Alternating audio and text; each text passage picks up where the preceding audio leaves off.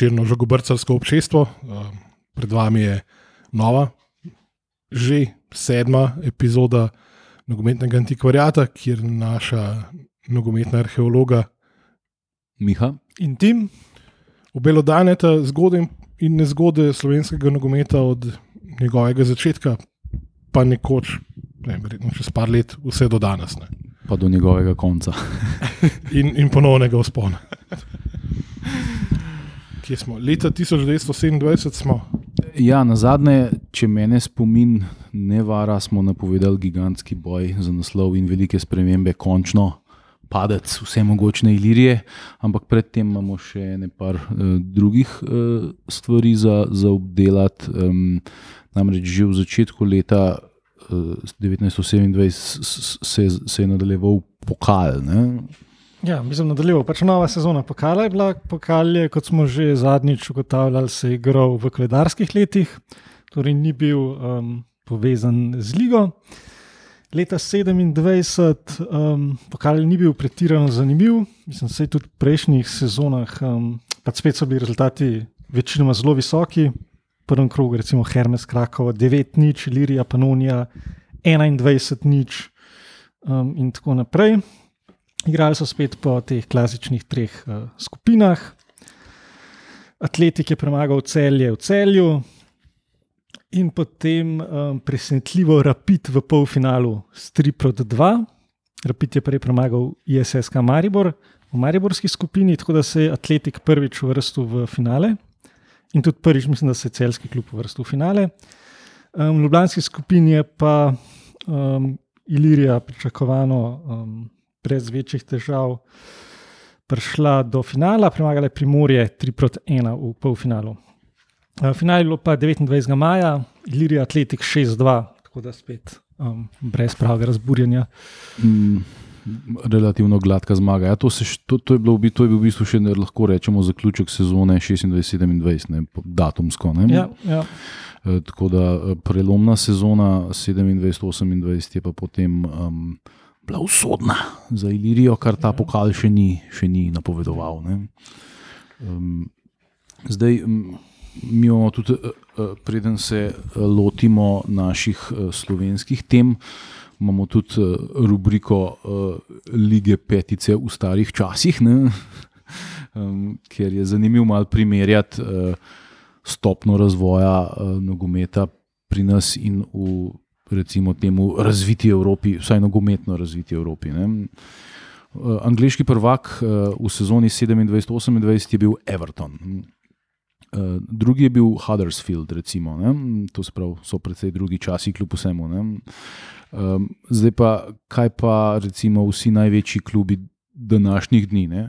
Še najvišji je bil Arsenal, ki je bil deseti, uh, Liverpool je bil šestnajsti, v, klub, v 22 uh, klubov je bilo. Ali imaš celo listico? Ne, nimam cele, nažalost, sam izpisal sem si.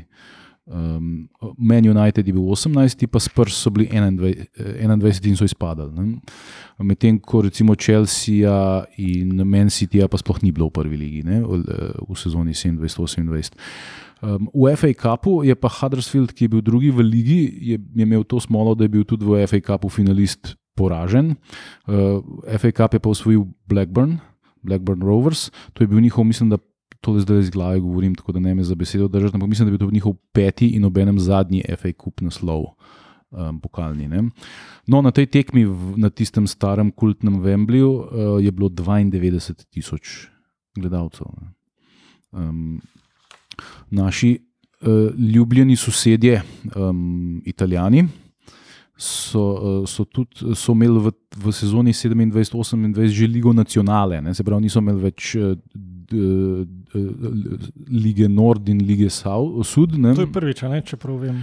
Prvič ali drugič, ne vem, če niso imeli že. Um, ampak um, zanimivo je, da recimo 7. junija 1927 je bila ustanovljena uh, asocia, Asociacione Sportiva Roma, ne, s tem, da so se združili en kup klubov rimskih um, in je že sodelovala v tem uh, prvoligaškem tekmovanju. Ne. Bile sta dve skupine, A in B, pa nista bile geografske sploh. Ne. Ampak so bili enakovredni. Ne? Eh, Relativno, ja. Um, tako, Mislim, ja, ni bila A skupina kot serija A, pa serija B, ampak so bile. Ne, dve, Dve dve, skupine, ja. dve, dve skupine po 11 klubov, štirje klubi so šli potem v končnico iz vsake skupine, se pravi, si imel končnico z osmimi klubi in Grande Torino je bil, je bil prvak. Um, druga je bila Genova, tretja pa Alessandrija.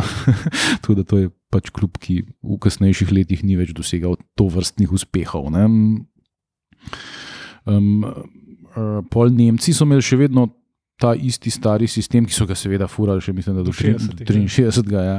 Se pravi, da se igra po, uh, po zonah, ne geografsko, pač Bavarska liga, Berlinska liga, ne vem, jugovzhodna, da ne vem kakšna severovzhodna liga, in se pol, pol se igra, pa, na, pol, pol pa ti prvaki uh, igrajo na izpadanje. Uh, no, recimo, prvak je bil HSV, ne, se pravi Hamburger Sportsverein, uh, ki je na, na svojem domačem stadionu, zanimivo, v, v Hamburgu je bilo finale, 60.000 ljudi. So premagali uh, Berliner Sports Club Hertha z 5 proti 2. Se pravi, dva kluba, ki tudi danes nekaj pomenita. Ne? Um, z, čist zan, iz, kot zanimivost bi jaz tole še dodal, koga so izločili, Hamburžani, da so prišli do titule v osmini finala Šalke 4-2, pol v četrtfinalu Konigsberg 4-0, to je sedanji Kaliningrad, ne, ki, ki ni več v, v Nemčiji, je zdaj pač del uh, Ruske federacije. V polfinalu pa Bayern z 8 proti 2. to, to bo navijačem Barcelone všeč. Ne. Ja, pa, pa tudi njihov nasprotnik v finalu je tudi izločen bavarski klub. Ne? Ja, kjer ga? Vaker Minken. A ja, ta, dru, ta, ta drugega velikana. A je imel Minhen celo dva kluba v Zgleda, ja. Verjetno so izločilnih bojih. Ja. Ni rdeča, je pa zvezda. Ja, To je v- grb od Vakarja.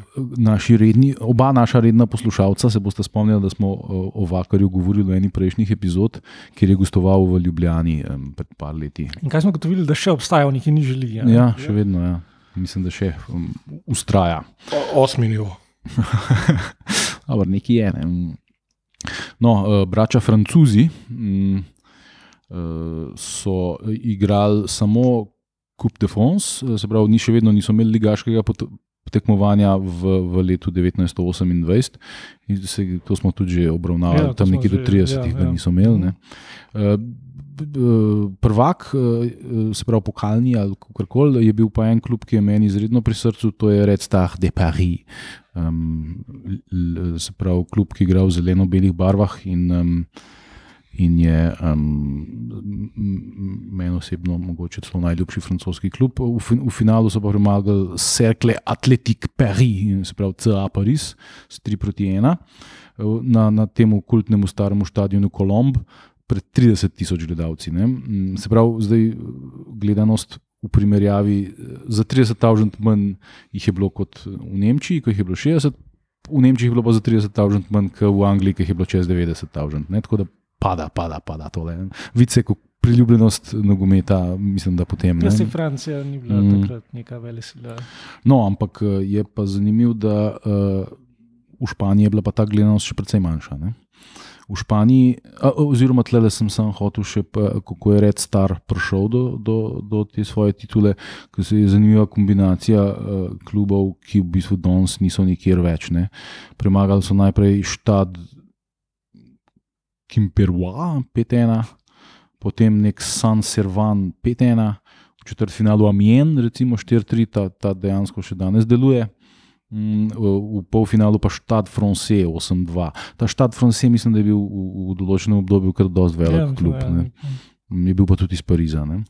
Um, no, kot sem pa že napovedal, imamo pa še Španijo, ne, kjer je bil prvak um, Cope del Rey, ki se je takrat igrala v bistvu po nekem podobnem sistemu, kot se je igralo nemško državno prvenstvo. Ne. Se pravi, igrali so najprej uh, geografsko neke grupe in pa iz vseh teh grup so se uvrstili um, najboljši v izločilne boje. Ne. Mhm. Se Pravi, uh, oni so tudi, mislim, da šteli to kot državno prvenstvo. Ja, dokler nisem imel lige, je bil državni prvak, španski prvak. Tako, tako. No, in, in leta 1928 je bila šok in horor to FC Barcelona.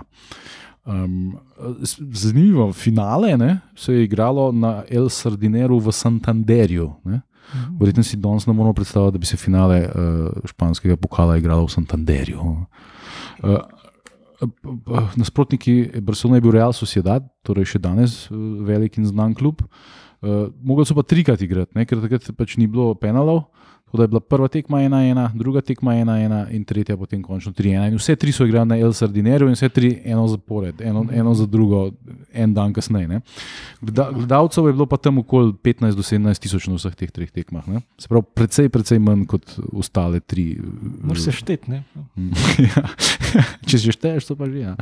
Um, no, či, či, čistko zanimivost je tle, uh, Barcelona je bila v grupi 3, ne, skupaj z Sociedadom, se pravi, oba, ki sta bila v isti grupi, sta na koncu tudi finale igrala. Ne. eh, Kar se včasih zgodi tudi na svetovnem prvenstvu. pol, uh, je bila še, v tej grupi je bila še ta, uh, ta znan klub, ki mislim, da tudi še danes obstaja, Evropa de Barcelona. Ne. Mislim, da še obstaja. Ja, ja, samo v nižjih ligah. Pa je bil ta Real Irun, um, pa neka Iberija, to, ne vem, pa neka Patria Aragon. Sprav klubi, ki v bistvu danes nič več ne pomenijo. Ja, Evropa mislim, da je bila tudi med ustanovnimi člani La Lige. Mislim, da je bilo to zdaj hmale enkrat. Ja, Um, sej ta La Liga, mislim, da je bila celo 29 že. ne. Nekaj takega, ja. No, ampak eh, še. eh, Pol v bistvu Barcelona je- je na poti do, do, do titule premagala Oviedo, v četrtfinalu pa Alaves v polfinalu. Ne? Dva kluba, ki tudi če danes recimo, se svalkata vsaj po sekundi. Ne? Tako da ja, to se je dogajalo z, z razvitem nogometnem svetu. Od 90.000 na- Blackburn, Huddersfield do 17.000 na Barcelona, Real Sociedad, zdaj je v bistvu glih obratno. ne. Dan danes um, je bilo to. to ja.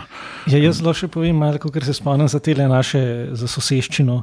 Mhm. A ja, sem še, sem še tole sem hotel imeti. Tale, um, pri Barceloni je, je to je obdobje, za- ko je za Barcelono igral Josep Sam- Samitier, ena od legend Barcelone, eh, ki je, mislim, da peti naj, naj, najboljši top sko- scorer eh, Barcelone vseh časov, eh, ki je bil v enem tudi osebni prijatelj od Salvadorja Dalija in Franciska Franka. Evo, to je to. ja, E, Kaj je soseščina? Če se prav spomnim, na Češkem, oziroma Čehoslovaško ligo, je zmagala Viktorija, Žižkov, to je um, kaj tam predmestje Prage, nekaj tasga.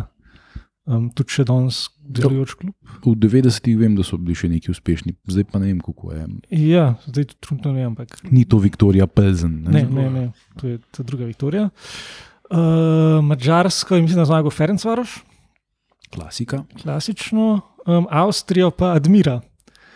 Admira je pa tudi še vedno znan klub, relativno je pa pač primer, kako, kako uničiti pač nek velik klub z nekimi petimi združevanji in seljenji. Ne. To je bil pač včasih um, pač velik Dunajski klub, ki so ga pa preselili, um, združili z so Vakerjem, pa, pa še z Mhm. Möldingom. In zdaj so odmira Vaker, Mölding in so nekje v, v nekem tem, ki v bistvu še velik del od predmestja, pač ta. Viner Ja, Neustadt, to je.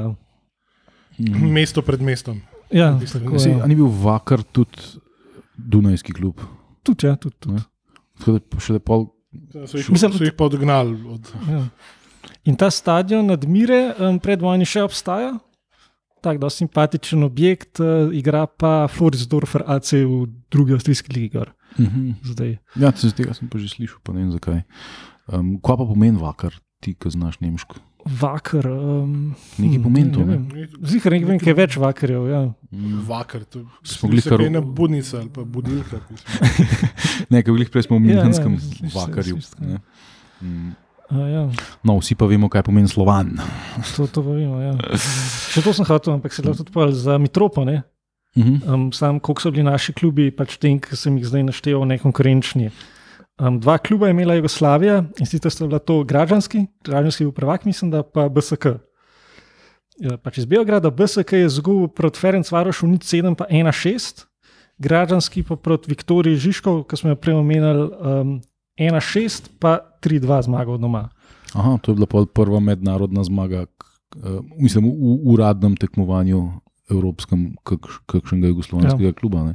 K- k- d- pozorni poslušalci se bodo spomnili, da smo omenjali Hajdukov premjerni nastop v, v Mitropa pokalu v prejšnji, se- prejšnji epizodi, eh, ko je izgubil, eh, mislim, da na Dunaju 8-1, pa v Zagrebu 1-0 1-0, ja. proti um, Rapidu. Ne? Mhm. Mm.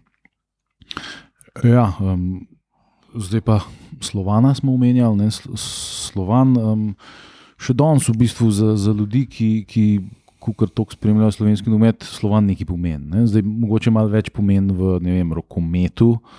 Uh, ali pa celo v košarki, Geoplin Slovan je bil včasih nekakšna konkurenca Olimpiji v enem obdobju, enih Ja, je recimo bil znam, 15 zdaj let več, nazaj, ne. Zdaj smo igrali Liga druga. Mm, ja, Medtem ko je uh, uh, nogometni slovan, pa od, uh, od tam nekje od 93-94 ni več nikoli bil blizu prvi slovenski nogometni ligi in tudi, seveda, ta slovan pravno ni slovan izpred vojne. Ne, to, to, Kot no, noben drug klub pravno ni. ja, ja, sem tle, tle tudi eh, ta nogometna sekcija ugasnila 38. Ne.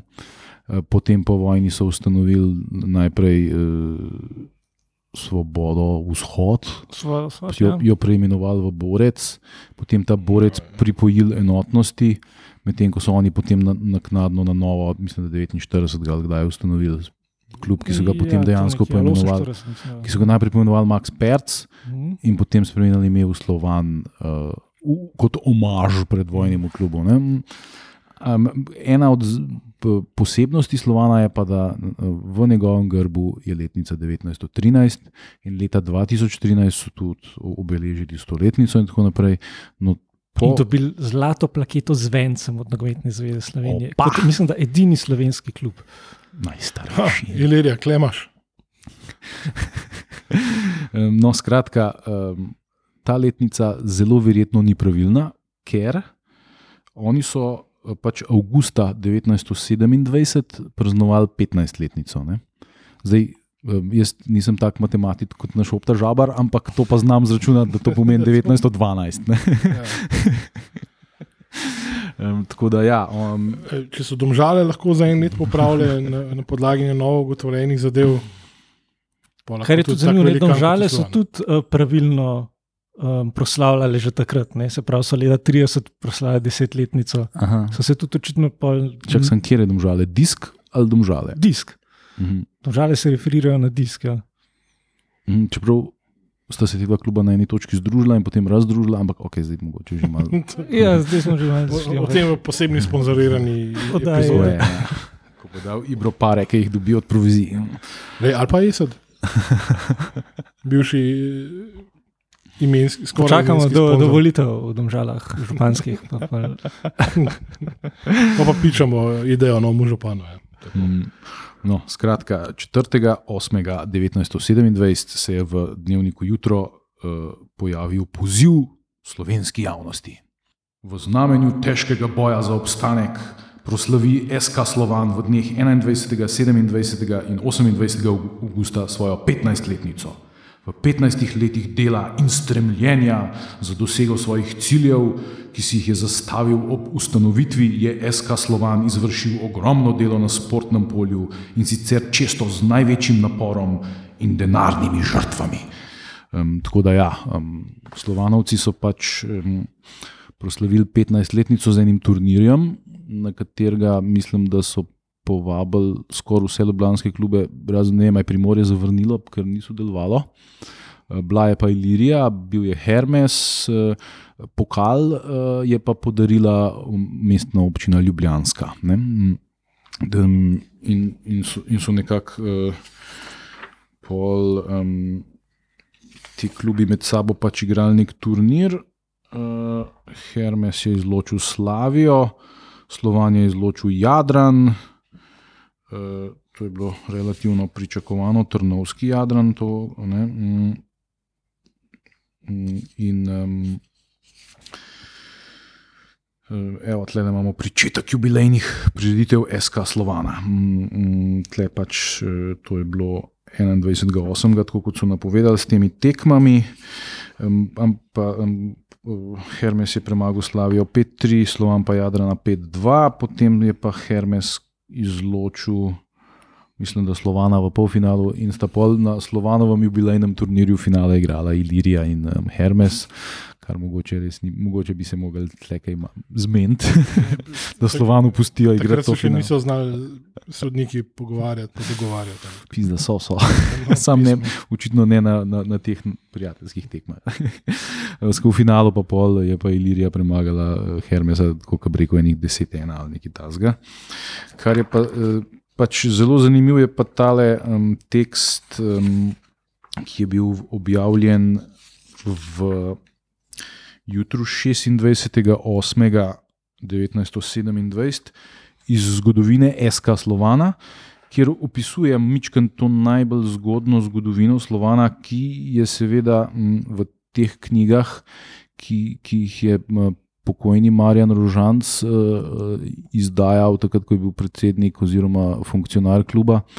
Uh, očitno takrat ni, ni, ni pač imel dostopa do tega članka, ker so ti podatki v bistvu bolj natančni kot so, kot so v tistih Ja, v bistvu knjigah, ne. relativno novi za. Mm. Um, Za nekoga, ki je prebral te knjige, so presenetljivi. ne.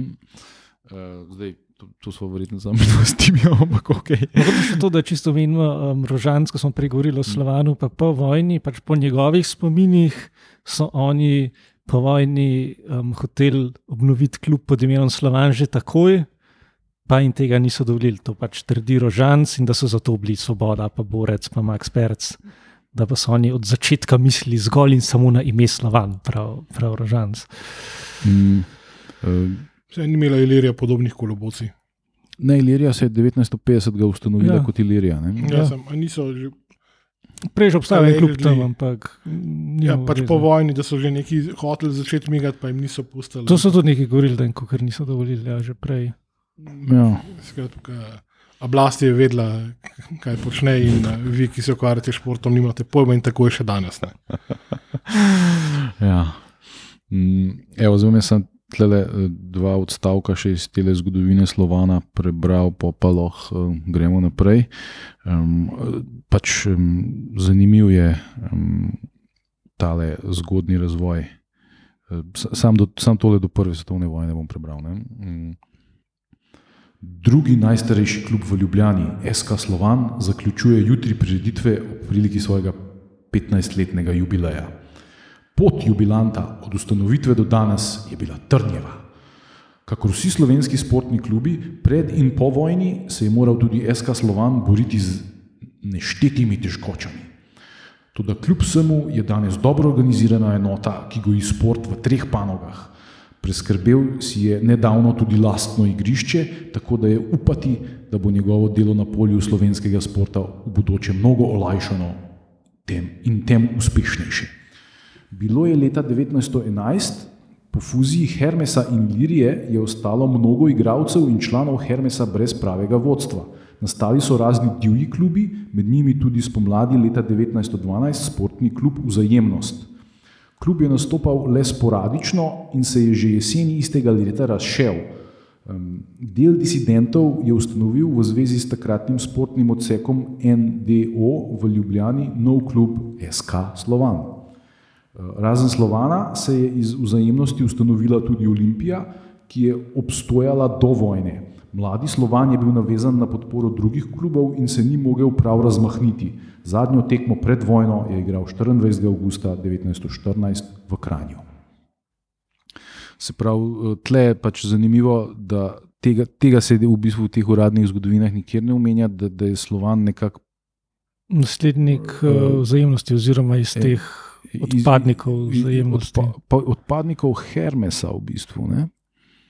Ker Ilirija je takrat vzela samo najboljše Ja, ja, ja. ja. igralce Hermesa. ne. Um, No, se to nekako logično, da so pač ti dijaki čez kak let. Pol, ja, zraven, ja. Edino jaz eh, iskreno ne vem, kaj pomeni NDO. Ne? Nisem te gliho to vprašal, ne, jaz ne. Tako da to pa žal vam ne moremo razsvetliti. Evo, to je, kar se.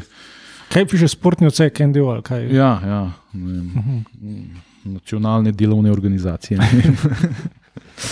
Um, tako da, ja, kar se Slovana tiče, um, evo, tle imamo še zaključek. Mogoče še to ne, mi da so takrat dejansko gledali tudi v Ljubljanskem arhivu za te leta 12-13 um, v registru, oziroma tam, ki je bilo za društva.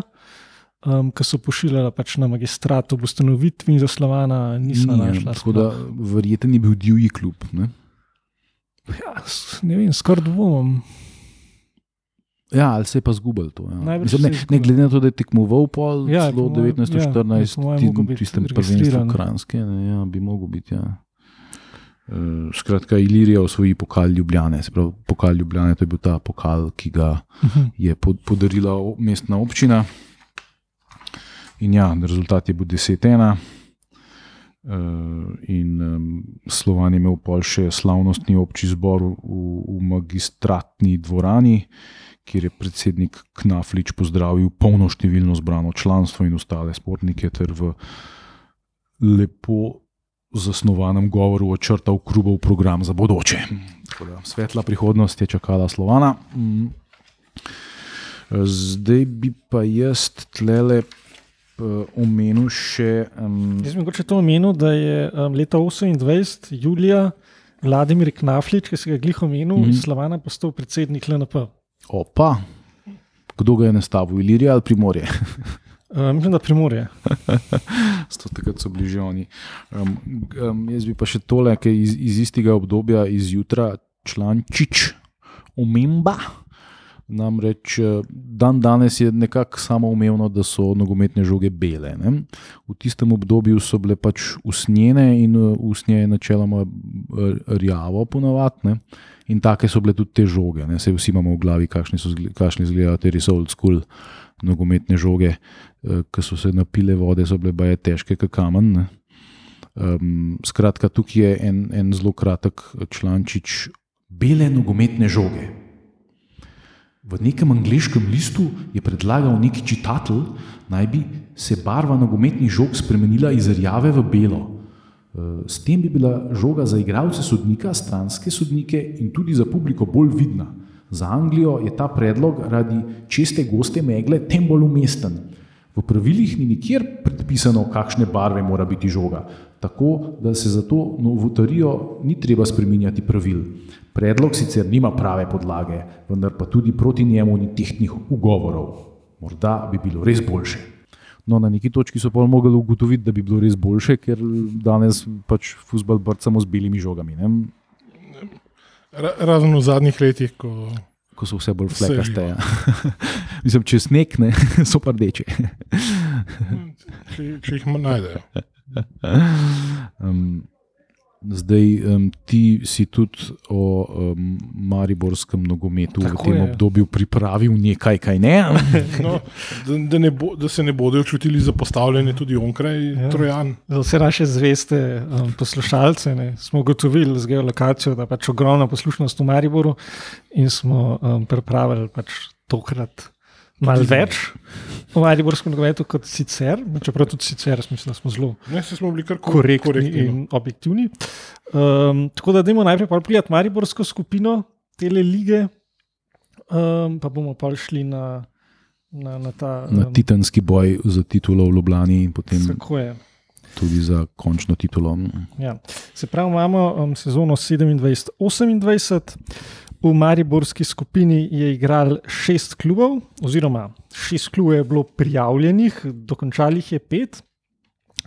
Um, zmagal je pa ISSK Maribor brez poraza v celi sezoni, cela sezona pomeni pač osem tekem, ker je samo pet klubov, um, je dobil zgolj dva gola.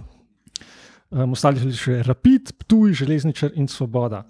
Ne pa tudi Merkur. Ne, Merkur je pa izstopil po nekaj krogih. Mislim, da ima, ti imaš tem Ja, jaz imam tle podatek iz januarja 1928, uh -huh. da se je Mariborski Merkur fuzioniral z eh, Rapidom, ki je prevzel imetje in dolgove bivšega trgovskega sportnega kluba Merkurja.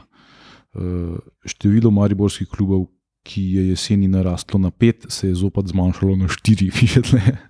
Rapid je v bistvu vase posrkal vse nemške klube v Mariboru, ki jih je bilo um, nekaj, ki smo jih že omenjali. Bil je Rote Elf, bil je um, tale Merkur, pa je bil kaj bo še en čist na začetku Herta. Vsi ti klubi so se v bistvu na koncu združili, oziroma na nek način pripojili Rapidu. Mm. Tako da je v bistvu postal res nek, neka celica, nek center nemštva um, v, v Mariboru, brez pač nekega drugega kluba. Um, in kar je zanimivo v tej sezoni, je, da je Maribor prehitev Ljubljano, kar se tiče igrišč. Uh, se pravi, kot smo že prej govorili, v Ljubljani je bilo kar veliko klubov, pa so vsi mogli igrati vse tekme zgolj na dveh igriščih, na Iliri in na Primorju. Um, v Mariboru so pa bili pa zdaj samo še tri klubi, ne, oziroma štiri, še Svoboda, no, ampak so imeli tri igrišča, vsak svojega, razen Svobode. Um, drugo igrišče. Aha, železničar se je ustanovil tega leta, ne? 1927. Ja, ja. In je imel svoje igrišče. Ja, ga je v bistvu že takoj, mislim, takoj, že v isti sezoni ga je otvoril, konec sezone, um, julija, začetku julija, um, drugo sportno središče Maribora. Um, preberem kar mal, um, recimo en odstavek ali pa dva. Včeraj je dobilo naše mesto novo sportno igrišče. Mrljivemu SK železničarju je uspelo, da je že po enoletnem svojem obstoju ob podpori raznih korporacij otvoril svoj lastni športni prostor v koloniji onkraj Drave v svoji naravni domeni.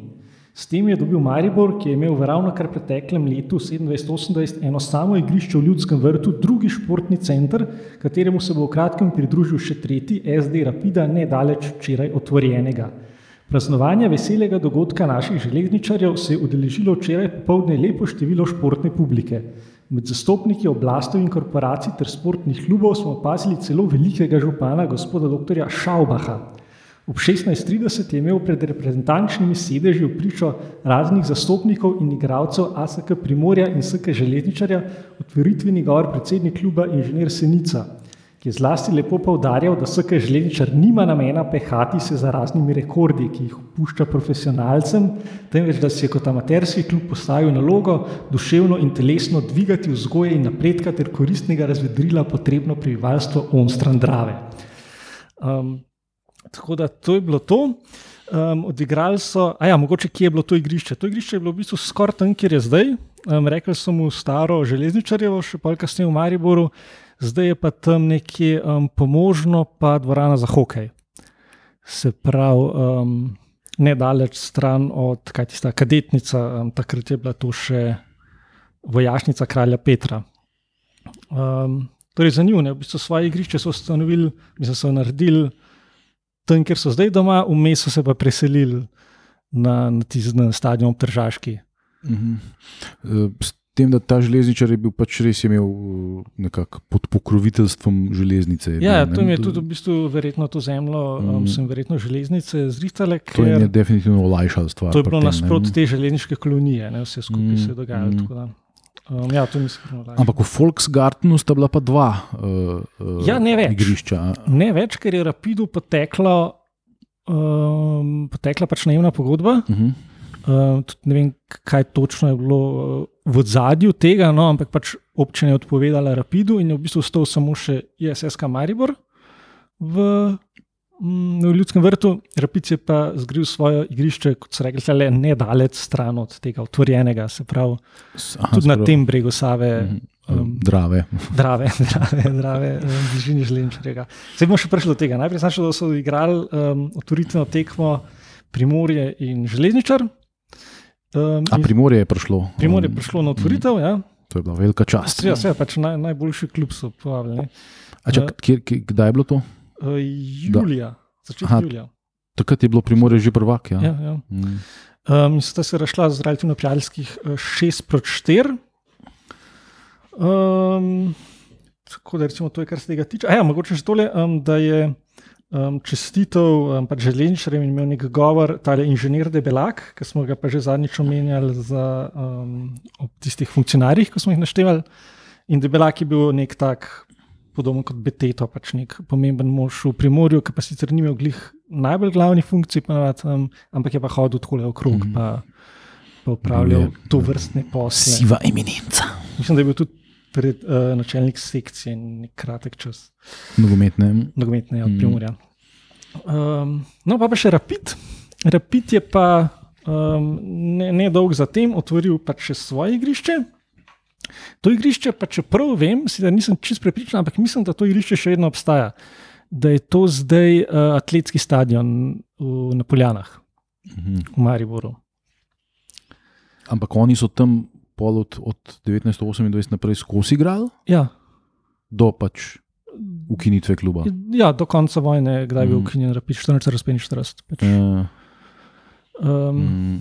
Veš, ti imaš še eno relativno zanimivo anegdoto v zvezi z Rapidom, da je pred časom obstajal muzej tega kluba nekje v Avstriji. Ne? Ja, v Avstriji ne dalje za mejo obstaja nek, nek muzej, muzejček, muzejska soba, um, ljubiteljska, kjer je nek, ne vem, kaj, verjetno kakšen sorodnik ali ne vem, bivši član ali nekaj pač en zelo, zelo star možak, ki je mislim, da zdaj žal že umrl. Je imel um, ta, ta muzej, kjer je v bistvu imel noter zbrano razne fotografije, zastavice in uh, cel kup nekih podatkov in stvari od Rapida. To je bilo v neki ne, em, avstrijski vasi, ali Ja, manj, to je ne? bila neka avstrijska vesica. nekje čez mejo. Pač, ne. Ja, ja. In zdaj verjeten to. Um, Ja, ne vem, kaj ste. Če sorodniki? kdo ve, um, smo zelo zainteresirani, um, da, da nam poveste, kje bi to bilo, pa bi šli pogledat, ne, če, če še obstaja.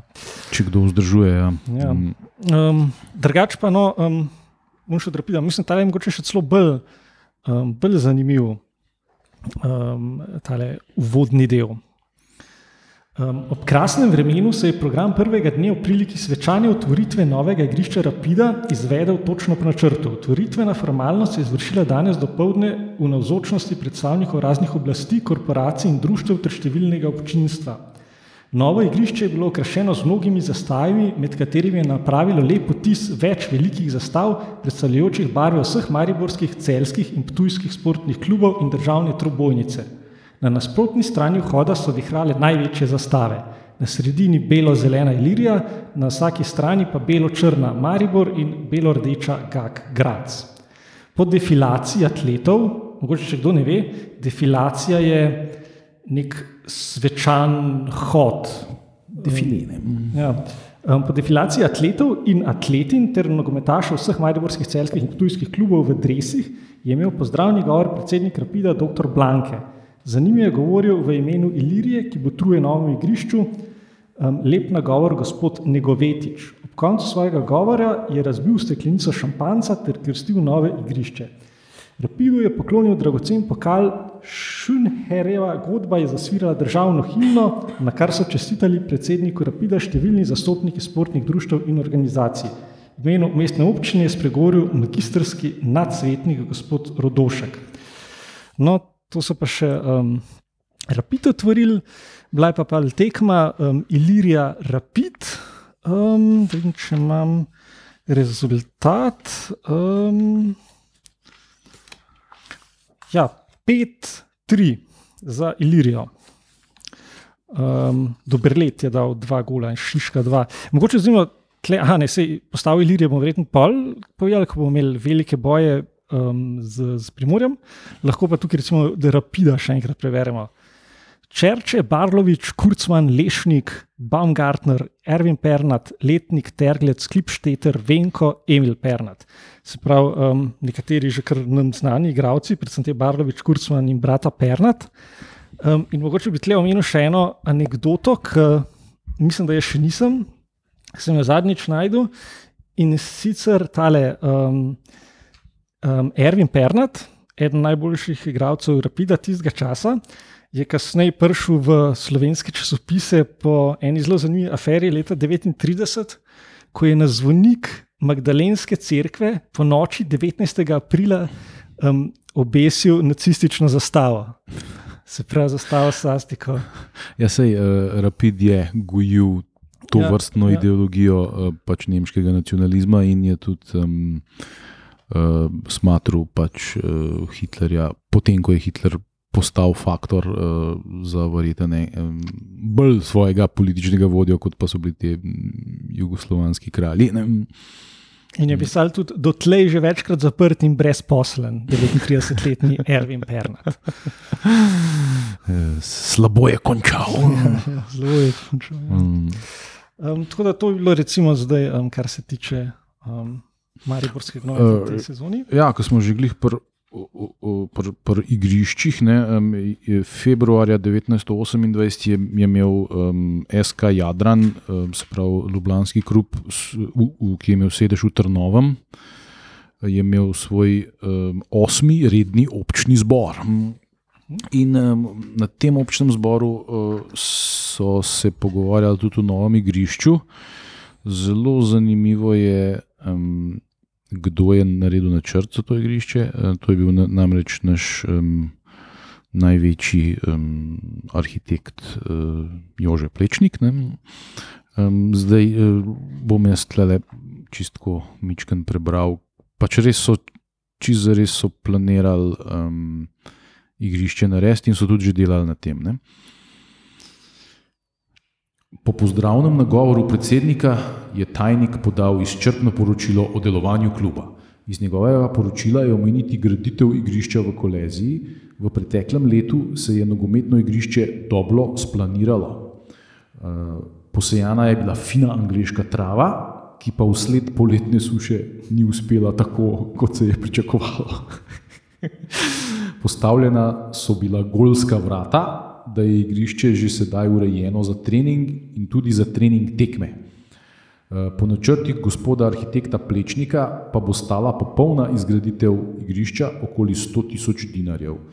Če bo šlo ljubljansko prebivalstvo in merodajni faktori klubu na roko, bo že v, bliž, v najbližji, najbližji prihodnosti mogoče realizirati predvideni načrt. Južni del Ljubljane, to je v kraji Sveti Jakob, Trnovo, Krakovo, Rožna dolina, Vič, bi dobil moderno sportno igrišče, ki bi bilo okras vsej Ljubljani. Kako si predstavljamo, kaj si je plečnik zamislil za 100 tisoč dinarjev? ja, kaj še ne, v grškem slogu. um. Drugač pa dejansko ni uspel tako hitro, kot so načrtovali. Če se prav spomnim, so še leta 34 lahko igrali um, mm. uradne tekme v Koleziji. Ja, to je šest let kasneje. Ja. Um, ja, tako da um, je še trajal um, en čas. A mogoče še tole. Um, Prejšnji smo omenili, da nihče ni izpadel zaradi tiste afere um, na koncu sezone. In je tokrat igral šest klubov v prvem razredu, ampak za naslednjo sezono so pa šli spet nazaj na pet, kar je pomenilo, da izpade eden, pred zadnjim pa igra kvalifikacije s prakom drugega razreda in Jadran kot peti je prvaka drugega razreda, torej um, Reko, ja? premagal s 4-1. Mhm. Kdo je bil zadnji pol? Zadnji je bila Slavija. A ja, Slavija je bila v prvi ligi ja, ja. V, v tem uh -huh. momentu. Uh -huh. Ja, mislim, da ta sezona 27-28 je bila pač um, ena od prelomnih sezon za slovenski nogomet, ker je predhodnik Olimpije ASK Primorje končno zlomil svojega uh, velikega in um, britkega rivala Ilirijo. Uh, na začetku sicer ni, ni, ni čisto kazalo, Ilirija je bolj začela sezono, nekako je izgledalo, da bo to še um, en sprehod. Mislim, Ilirija je dala tudi veliko več golov, no, ja, vseh tem vprašanj. Ja. Je, je, je tudi, mislim, da prvi derbi dobila uh, v tej ja, sezoni. Mislim, tudi, ja. um, no, ampak. Um, uh, na koncu je bila pa situacija eh, potem vedno bolj napeta, ne? ker je primorje v spomladanskem delu nekako Iliriji, Ilirijo, Iliriji prišlo na, na tiste dve točke, eh, in um, je v bistvu derbi eh, odločal. Eh, kdo bo prvak. Kar predtem. V bistvu je odločil zadnji krok s Slovanom. Že, že, ampak že, že Primorje je moglo že derbi ja, ja. dobiti. Ja, če, moral... če, če Primorje ne bi dobilo derbija, bi bila Ilirija že prvak. Primorje se je moral približati Iliriji na dve točke, če je hotel še upati na naslov. Tako je. Um, kar se do tega trenutka še nikoli ni zgodilo v slovenskem futbalu. Mm. Nikoli ni bil noben klub tako blizu Iliriji, da bi lahko v zadnjih dveh krogih dejansko osvojil eh, naslov prvaka. In Ilirija se je prekleto potrudila, da se to ne bi zgodilo, kot bomo videli. um, Uh, ampak, se, jih niso, mislim, da so jih samo za en gol na derbijo premagali. Uh, ja, ja ne, problem je bil v, v tekmi Sla, Ilirija Slavija. Aha, tudi, ja. Eh, ker verifikacija te tekme je bila, je bila ključna za ta, to gol diferenco. Tako se je končalo, mislim, da 6-1. 7-1. Potem se je pa izkazalo, da je en igralec Slavije nastopil, ki ne bi smel ali nekaj tasga, in so hoteli pol v bistvu Slaviji odbiti tiste en gol. Mm. Uh, ampak to, to se je dogajalo vse po teh rezultatih, tako da bomo zdaj mogoče najprej. S, uh, pač situacija je bila sledeča. Ilirija in Primorje sta uh, oba um, v poziciji, da osvojita titulo. Primorje mora za titulo premagati najprej Ilirijo, potem pa še v zadnjem kolu Slovan, ko je Ili- Ilirija ima, ima pa že vse odigran. Ne? Ja.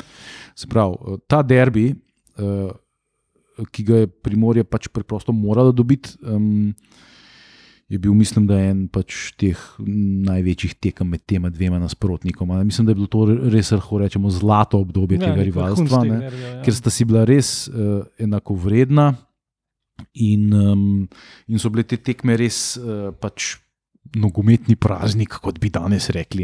Mislim, pač ta igrišče, igrišče uh, ali Primorja ali Irije, kjerkoli so igrali, ta igrišča so spre, sprejela tam nekje do 3000 ljudi, ali pa recimo 4.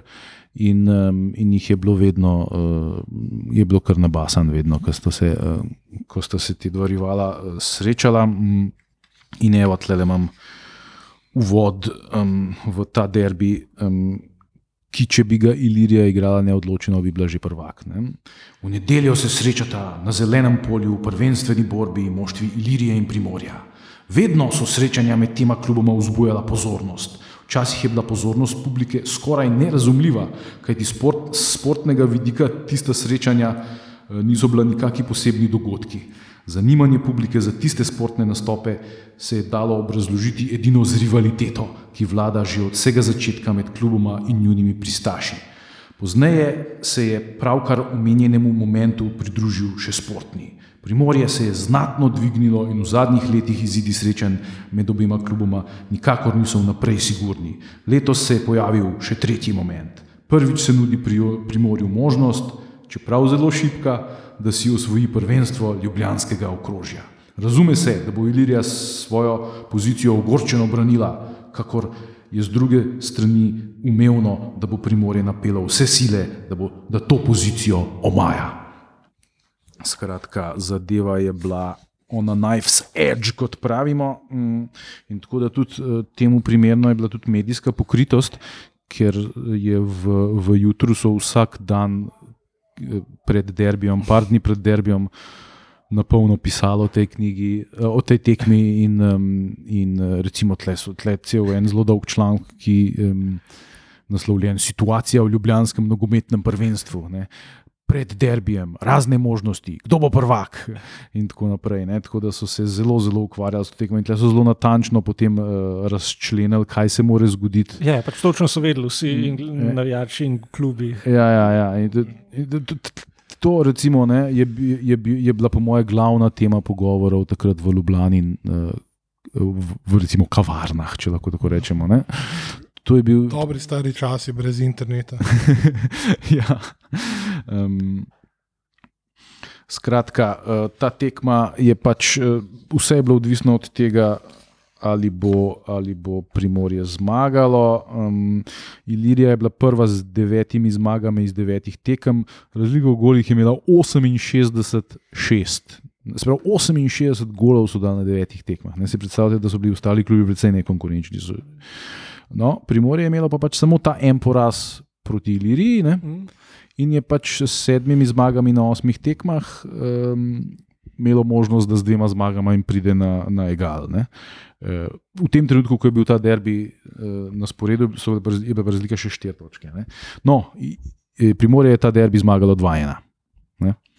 Kar, Če pa je imela Ilirija 49-7. ja, um, pri, mislim, po, po, po, po, potem je bila pač pa še ta uh, zadnja tekma sezone. Ilirija je že končala, igrala je Ja. 10 tekem, 9 jih je zmagala, dala 150 golov, eno je izgubila, to zadnjo s Primorjem Mhm. 2-1. ne. Uh, Zdaj je bilo pa od te zadnje, zdaj pa nenadoma ni več, pač, eh, je bila pa vsa pozornost namenjena tekmi Primorje Slovan, kjer je bilo pa zelo, zelo pomembno, koliko bo rezultat, ker tle ni šlo za gol razliko, ne, da ne bomo, da ne bomo na robe mislili. Šlo je za, um, kako se temu reče, količnik. Ne? Gol količnik, ja. Ja, da ti to razloži, to jaz še zdaj ne štekam. Ja, pač razlika je pri um, odštevanju, ne? se pravi 69-9 je gol razlika 60, ne? gol količnik je pa pač um, rezultat deljenja. Ne? Se pravi 69 delimo z 9 in dobimo nek, nek količnik. Število danih in prejetih golov na tekmo poprečno. ali kaj? Ja, ja v bistvu, ne, ne, v bistvu število danih deljeno s številom prejetih. Aha, ok, ok. Razmerje. Razmerje je v bistvu golo. Ne? Se pravi, okay. kolikrat več golov si dal, kot si jih dobil. Ne? Recimo, če si ti. Recimo, če, si, če imaš ti gol, če, če imaš gol diferenco 5-1, ne, imaš gol količnik 5, 5 deljeno z 1. Petkrat več golov si dal, kot si jih prejel. ne. Ja, če ima pa recimo nekdo um, 6-2, ima pa pač uh, gol količnik 3. Sem, sem se bal, da bo zdaj eno zakomplicirano cifro si nametem. Da ne bo mogel, ja. Skratka, Ja, ja, ne, hotel sem to povedati, sam nisem zbral dobrega primera. Hotel sem povedati, da v bistvu z defenzivno taktiko imaš zelo dober količnik. Ne? Recimo, če ne dobiš nobenega gola, se to sploh ne da zračunati, je v bistvu neskončno. Ne? Če imaš ti pet nič, je to v bistvu najboljši možen količnik. ja, ampak ni pet deljeno nič, nič. Ne, ne, ni, ne da se zračunati, oziroma kao neskončno. Um, Aha, okay. Recimo, gol differenca 5 nič je veliko boljša kot gol differenca ne vem, 21. ja, ja. Ali pa o- o- 68-3, ali kako je že. No, skratka, uh, pol je pač bilo vse odvisno od te tekme Primorje Slovan. Um, Ki so jo napovedali pa takole. Za to tekmo, ki bo v nedeljo na igrišču Primorja točno ob 16. uri in ki jo sodi zagrebski sodnik, vlada med ljubljanskimi športniki upravičeno ogromen interes. Obeta se obisk, kakor pri tekmah Primorja in Ilirija. Tekmi bodo z živahnim zanimanjem sledili pristaši treh klubov: Ilirije, Primorja in Slovana. Eh, Gre za okrožno prvenstvo in Slovan je letos v prijetnem položaju, da svojo igro odloči o tem, kdo naj bo ta prvak, Ilirija ali Primorje. Če se mu posreči zabiti primer, Primorju samo en gol, pripade ne glede na rezultat tekme prvenstvo Iliriji. To je to, kar smo govorili. Ja, to v bistvu ni čisto res, ampak bi morali primoriti toliko velikih golov, da Da tudi z golfot bi bilo težko. Ne? Ja. Razume se, da bo Primorje igralo z redko ambicijo, da doseže ugoden rezultat proti Slovanu. Kakor je po drugi strani tudi umljivo stališče Slovana, da afirmira napredek, ki ga beleži v zadnjem polletju in da z zmago ali primernim rezultatom proti Primorju doseže velik moralen uspeh. Zdaj, ti dva kluba sta bila prijateljska, ne? ampak eh, za nedeljsko tekmo je podsavez ukrenil primerne varnostne mere in je v velikem interesu ugleda ljubljanskega nogometa, da se občinstvo vede korektno, zlasti še pred očmi zagrebskega sodnika. Aha, evo, če sem prav zračunal, bi v primeru, da bi Slovan dal en gol, jih mora dati primorje vsaj 11. Hmm. No, še, še, če da zaključim tole. Po mestu je zavladala pravcata manija, ugibanja in stave za nedeljsko tekmo gredo v tisoče. Um, no, kaj se je zgodilo? Ne? Edini rezultat, ki bi, uh, ki bi popolnoma izenačil Ilirijo in Primorje v. Se je Um, zgodil. tako je, zdaj si mi pokvaril ta. v-.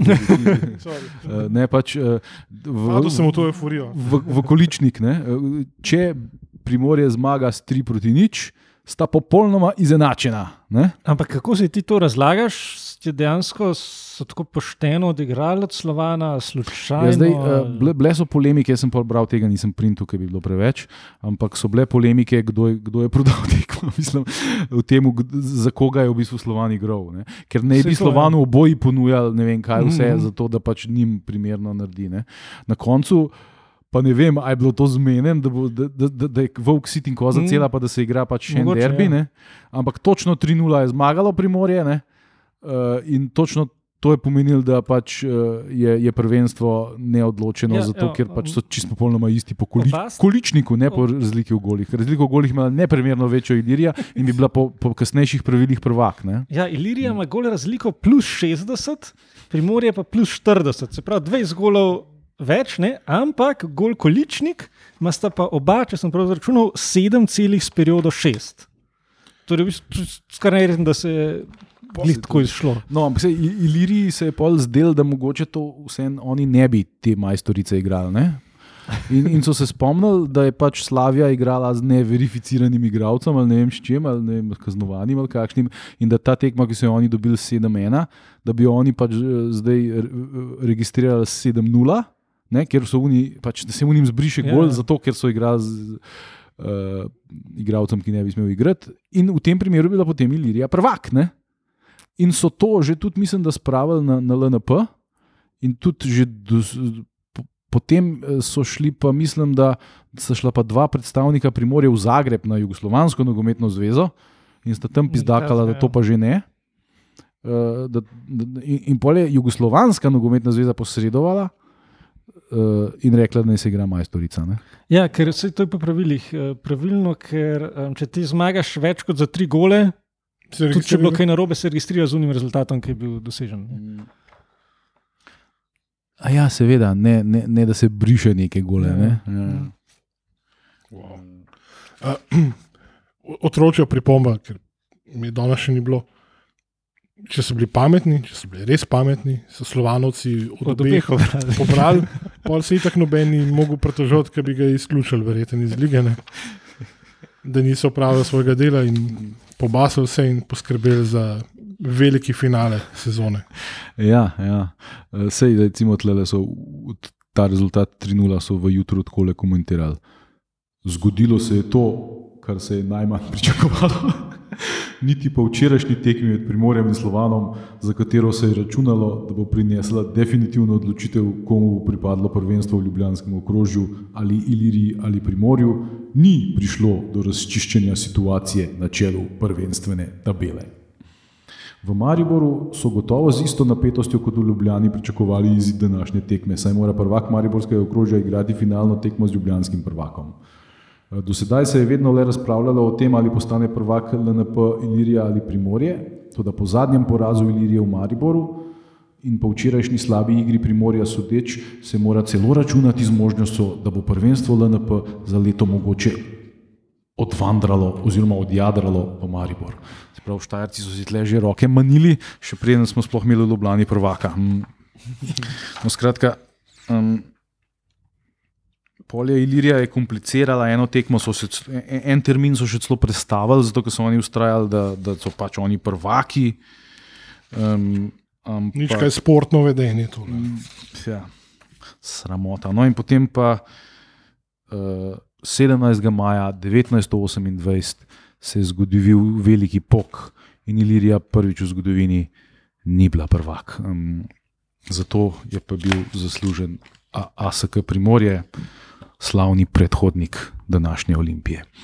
Um, evo, tle bom sam tale.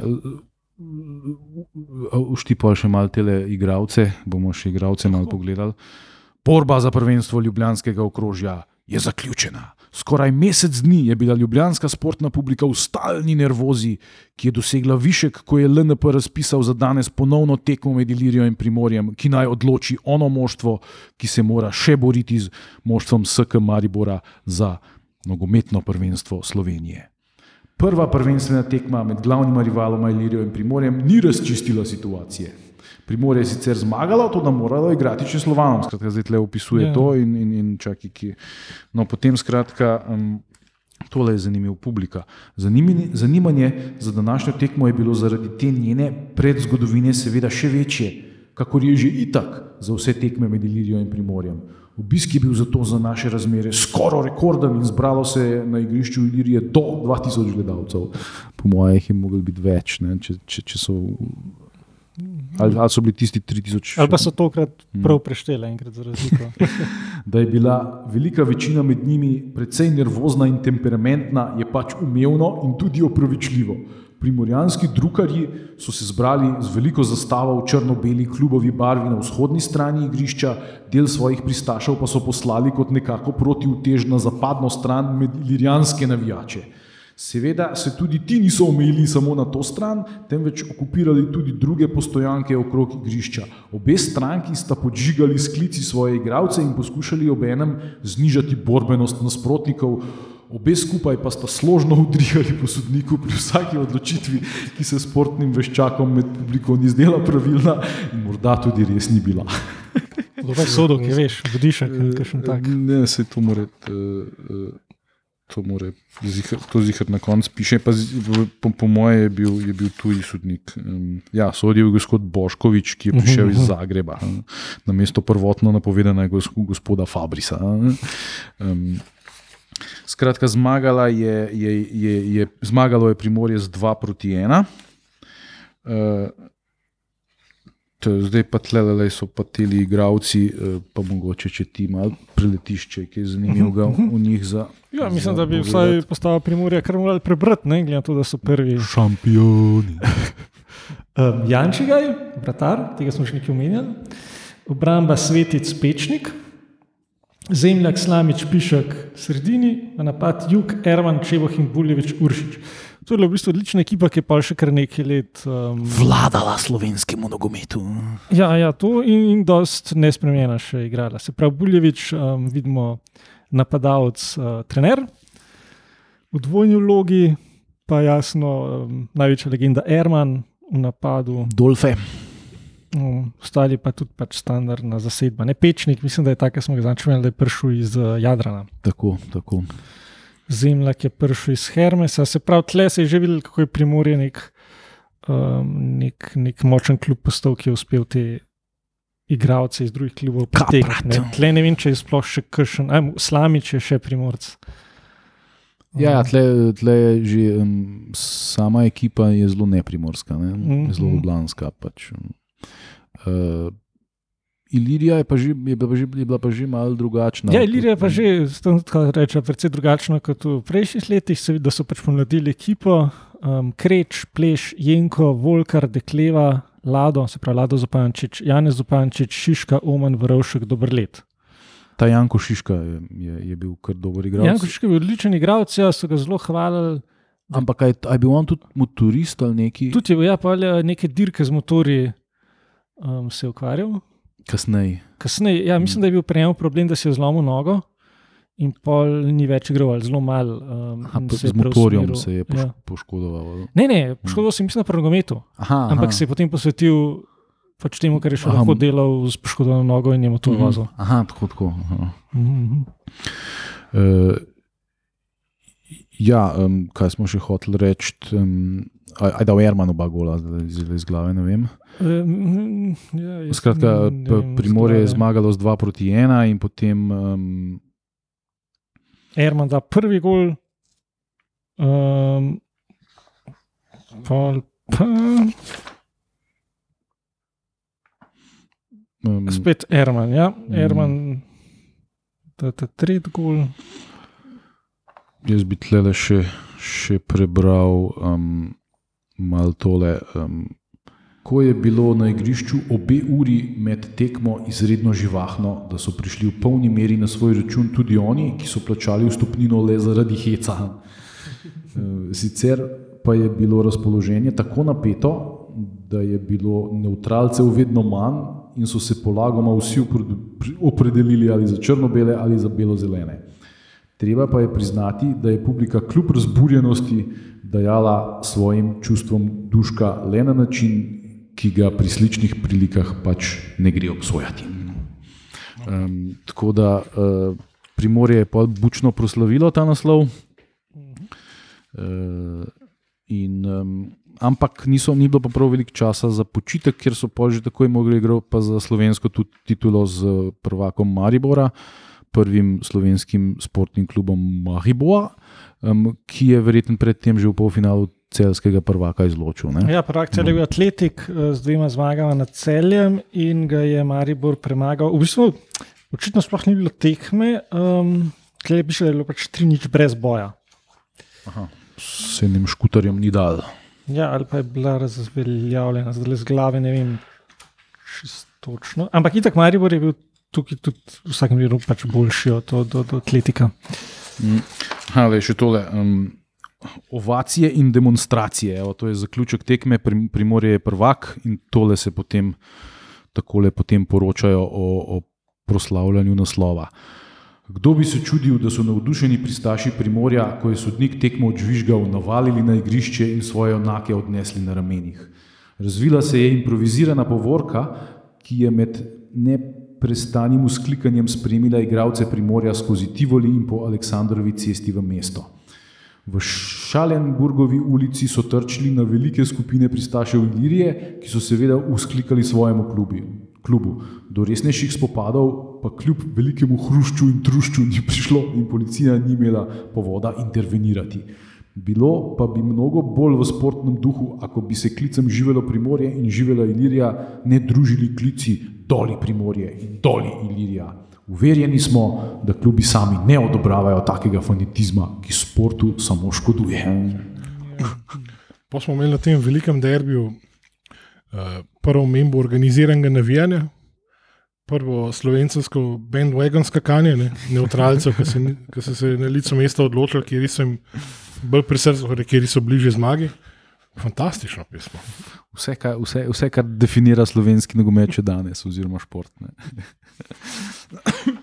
No, Ilirija, seveda, ni še popolnoma obupala nad tem, da bi zajevala Primorje. ne. Um, potem, ko je Primorje pač igralo to finalno tekmo z, z Mariborom v Ljubljani in ga premagalo 2-1. 2-1. Ja.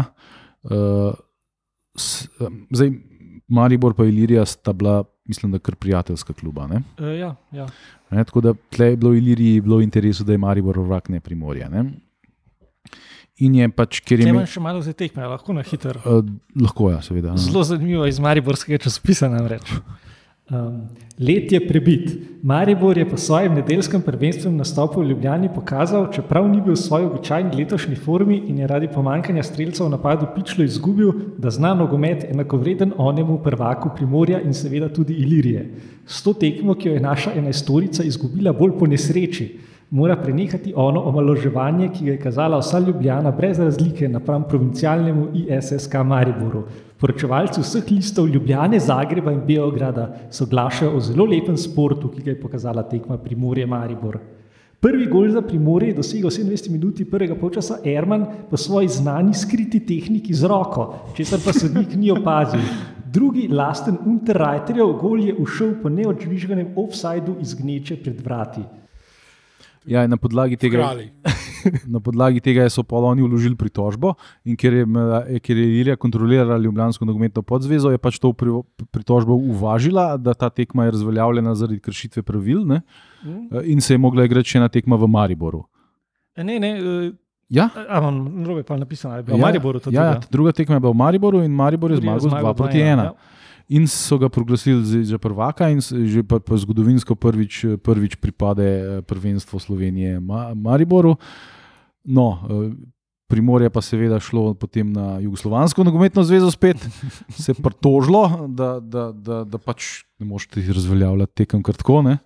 In, um, in, um, in Jugoslovanska nogometna zveza je potrdila, da ima Primorje prav. Namreč eksprezidijo se objavlja. LNP je došla 7. tega meseca sledeča bržojavka JNSA. Uvažuje se žalba ASK Primorja, verificira se utakmica Primorje Maribor, odigrana 27. maja sa 2 proti 1 za Primorje, smatra se prvakom LNP-a ASK Primorje, utakmica Primorje Sašk igra se 10. v Ljubljani. Se pravi, prvi SSK Maribor prvak, koliko 4 dni. Tudi to je nekaj. Jaz sem tukaj še, še postavil od Maribora um, in sem se tako potrudil, da sem poiskal še celo imena teh igralcev. Um, Franz Koren, Josip Unterreiter, Justi Hreščak, Pepo Kirbiš, Miro Starc, Gujo Hreščak, Karl Pavlin, Josip Bertoncel in Anton Privršek. Um, brata Bertonca sta bila zelo znana, pač ena najboljših slovenskih predavanih igralcev, ki sta tudi oba pa kasneje prestopila v Primorje. Od ostalih pa Unterreiter, ki je tudi za Ilirijo igral. Mm, Pa Anton Privršek je bil dober napadalec, ki je tudi še dolgo igral, pa v Kranju. tudi. Mm, eh, ja, mm, se pravi, to so bili prvaki Slovenije, tiste, tiste štiri, sladke štiri dni, ne, dokler ni JNS udaril po mizi. Eh, Skratka, Primorje si je z zmagoma nad, najprej nad Ilirijo in na to še nad Mariborom uh, zagotovilo naslov slovenskega prvaka, se pravi prvaka Ljubljanske nogometne podzveze. Eh, in si je s tem priigralo pravico nastopa v jugoslovanskem državnem prvenstvu, ki se je takrat še vedno igralo po tako imenovanem kup sistemu. Eh, Za nasprotnika, kot sem tam ko sem citiral Brzojavko Nogometne zveze Jugoslavije, že omenil, je pa dobila Sarajevski eh, klub. Uh, Sašk, to je kratica za Sarajevski akademski sportski klub. To je bil klub eh, sarajevskih Hrvatov, Mislim, katoliški klub. Mislim, da so z Ilirijo oni igrali že v eni od Mhm. prejšnjih sezon. Um, in takrat so, mislim, da zmagali v Ljubljani, je bilo to to. Ja, Ilira je izgubila. Mm. Ja. No, zdaj so bila pravila vseeno mičken drugačna že. Mm, Namreč igrala, igrala se je tudi povratna tekma, se pravi prva v Ljubljani, druga v Sarajevu. Uh, zdaj, a boš ti še kaj na tist? Um, Ne, kar povej. Mislim. Ja, na prvi tekmi je, je Primorje zmagalo s 4-3 mm, in um, ba je tudi zelo dobro igralo. In, oh, in sploh na tej uh, tekmi državnega prvenstva uh, so nastopili Jančiga v golu, Svetic in Pečnik v obrambi, Zemljak, Slamič in Pišek so bili krilci. Um, Pa so pa igrali še Jug, Erman, Čebuhin, Vrhovnik in Uršič, se pravi, to je postava um, Primorja, ki je premagala Saška. Um, Zanimivo je, da je Saško vodil 3-0. tako je, ni se najbolje začelo. Um, bosanski Hrvati so ob polčasu vodili 3-0, ampak na koncu je pa Primorje z junaškim bojem zadevo obrnilo in zmagalo 4-3. Um, Evo, tlele, kaj so o tem porekli v, v jutru. Novi prvak LNP-a si je včeraj v državnem prvenstvenem tekmovanju priboril zelo težko, tudi po vseh okoljnostih izredno zasluženo zmago. Ta zmaga je za naš slovenski nogomet velike važnosti, ker je predvsem dokazala, da se znajo naša mostva, ki jih, pod, ki jih je to podzastopal ASK Primorje, boriti. Nihče po prvem polčasu, ki se je končal s skoraj odločilnim rezultatom 3-0 za Saška, ni pričakoval, da bo mogel naš nogometni reprezentant še odločiti tekmo v svojo korist. Toda borbeni duh in zavest, da naš nogometni sport v državnem prvenstvenem tekmovanju ne sme ostati brez zmage, sta vlila primorjanskemu moštvu ono moč, da je svojo prvo tekmo v tem važnem tekmovanju zasluženo dobilo. Sej Ilirija je v bistvu v vseh tistih svojih prejšnjih slavnih nastopih, mislim, da je edino zmago. Zmagal je premagala, pa Sant. Ja, ampak to je bilo v tej zadnji Ja, ja. 1927 Mhm, mhm. sezoni. Ne? Predtem je v bistvu izgubila vse tekme. Ne? Ja, Eh, Te, da ki ja. so bile na izpadanje, pa, 23, 24, 25. ki, ki so bile na izpadanje, pa vedno je bila samo ena tekma. Ne? Mm. Tako da Primorje je pa vidite že v prvem poskusu premagalo Saška. Sam Kurcka so spremenili pravila in je bilo treba še v Sarajevo. Ne? In um, tam so bili pa, uh, tam so bili pa uh, igravci Primorja podvrženi. A tudi tisti, ki so jih kamenjali. ali kako je? Tako je, mislim, na kamenjali so jih na koncu, ampak na začetku, mislim, predvsem je bilo, je, je Sašk, no, pač po, por, po poročanju jutra, zdaj, popolnoma neutralni niso bili, ne, ampak je, je Sašk igral izredno grobo. Um, in na koncu, v bistvu, šele po podaljšku, mislim, iz silu zmago 2-1, tekma je šla polo podaljšek. Rez, rezultat se ni spremenil, se pravi, on- golov v gosteh takrat ni bilo, ne, pač samo za koliko si zmagal, boji so zmagali za en gol, torej je bilo potrebno igrati še tretjo tekmo. Z, naslednji dan spet v Sarajevu, na tem igrišču na Kovačičih. S istimi kamni. Ja, se verjetno so prespali tam. ali kako? Ja, so mogli. Ne? Kar na igrišču. Kar je pa, a, ampak je, je, vsem um, je pa vsem zanimivo, ne? ker to je res, uh, če tako gledaš, je izredna prednost, ne? da ti pol tekmo še enkrat doma igraš. Ne? Mm. Pa bi v bistvu tretja bi mogla biti na neutralnem igrišču, teoretično. Ne? Če bi ti hotel, zdaj, če imaš eno doma, pa eno v gosteh, ne more biti pa imeti ta dveh, v gost, dveh Se, ni bilo tako FA pokalo nekaj časa, ne. da je bila pol na neutralnem. Mm. Možno, tretja, ja. Kako. No, skratka, ta, potem je pa Primorje izgubilo 3-2 še to tretjo tekmo. In kljub vsemu izpadlo proti uh, Sašku, Gol so pa dobili v podaljšku. ja, docela nezaslužen poraz Primorja, ki je bilo daleko boljše moštvo. Odločilni gol za Saška pade v 47 minuti drugega polčasa. Sodnik Fabris odloči igro za Saška. Današnjo tekmo je odigralo Primorje v takem stilu, da nikakor ni zaslužilo poraza. Um, pa tle še pač v sodniku Jambrajo, recimo, kakor, kakor včeraj je tudi danes moštvo igralo, to zdaj govori za Sašk, igralo zelo ostro in prekoračevalo meje dopustnosti, pri čemer, pri čemer mu je dajal sodnik najobširnejše koncesije. Um, skratka, 1500 ljudi na koncu. Um, evo, tole, ja, to si prej omenjal. Na povratku je publika dejansko napadala igralce Primorja, jih obmetavala s kamenji ter suvala z dežniki in palicami. Moštvo Primorja se po vsej priliki vrne v torek ob 21. uri z belgrajskim brzo vlakom v Ljubljano. Skratka, pretepeni in ogoljufani do konca. Welcome to Ju- Jugoslav football. Um, tako da, ja, tako se je zaključilo pol um, slovensko sodelovanje v državnem prvenstvu za to sezono. Mi pa tudi, glede na to, da smo že presegali eno uro čeblanja, zaključujemo za danes. Um, Máš ti še kakšno modro misel za zaključek? Um, Ne, um, dobro, da, da ni več bilo pokala kralja, ne, ker, um, Ker bi bile dve ure tole, bi ga ne. stlačili, ne. čeprav po drugi strani pa škoda, ne, ker nismo omenili, da so ustanovili skopski podsaves v tej sezoni. ne. Tako je, eh, leta 27 ali 28 Tako da je zdaj, nastal. evo, lahko bi koga premagali, pa ni bilo več tekmovanja. ne. Okay. Tako da to je Kaj se nam obeta v prihodnosti? Kakšen Mm. teaser?